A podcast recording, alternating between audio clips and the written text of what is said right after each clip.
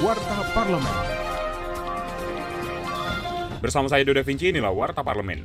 Wakil Ketua DPR RI Sufmi Dasko Ahmad mengapresiasi antusiasme pedagang pasar Tanah Abang, Jakarta mengikuti proses vaksinasi. Hal ini sampaikannya saat memantau kegiatan yang diselenggarakan oleh Ikatan Pedagang Pasar Indonesia atau IKAPI bekerja sama dengan Polri. Ketua Satgas lawan COVID-19 DPR RI ini juga menerima aspirasi dari sejumlah pedagang yang menyebut antrian penerima vaksin masih panjang. Legislator dari fraksi Partai Gerindra ini menyarankan kepada pengelola pasar agar kuota harian dan waktu pelaksanaan vaksinasi ditambah. Warta Parlemen Wakil Ketua Komisi 8 DPR RI Ati Hasan Zajili menyampaikan keprihatinan atas pemotongan bantuan sosial atau bansos warga terdampak kebijakan PPKM darurat yang mendesak pihak berwenang segera mengusut pelanggaran yang dilakukan oknum aparat tersebut. Wakil Rakyat Daerah Dapil Jabar 2 ini menyarankan untuk menekan penyimpangan penyaluran bansos sebaiknya disampaikan langsung kepada warga. Proses penyerahan bansos melalui kantor desa atau secara kolektif menurutnya rawan pemotongan. Informasi lebih lengkap kunjungi website dpr.go.id.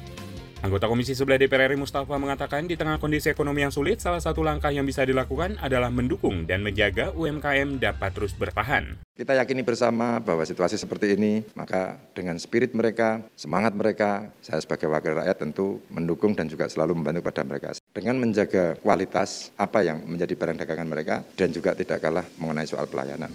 Televisi Radio Parlemen Anggota Komisi 9 DPR RI Rahmat Handoyo menilai pengendalian COVID-19 dapat lebih efektif dan optimal jika Satgas COVID-19 di tingkat RT dan RW berkolaborasi dengan tokoh masyarakat, tokoh agama, serta orang yang dituakan di lingkungan. Politisi PD Perjuangan ini meyakini bila saja warga di tingkat RT dan RW kompak dan mau bekerja sama menjaga lingkungannya dari ancaman COVID-19, maka tingginya angka kematian pelaku isoman bisa ditekan.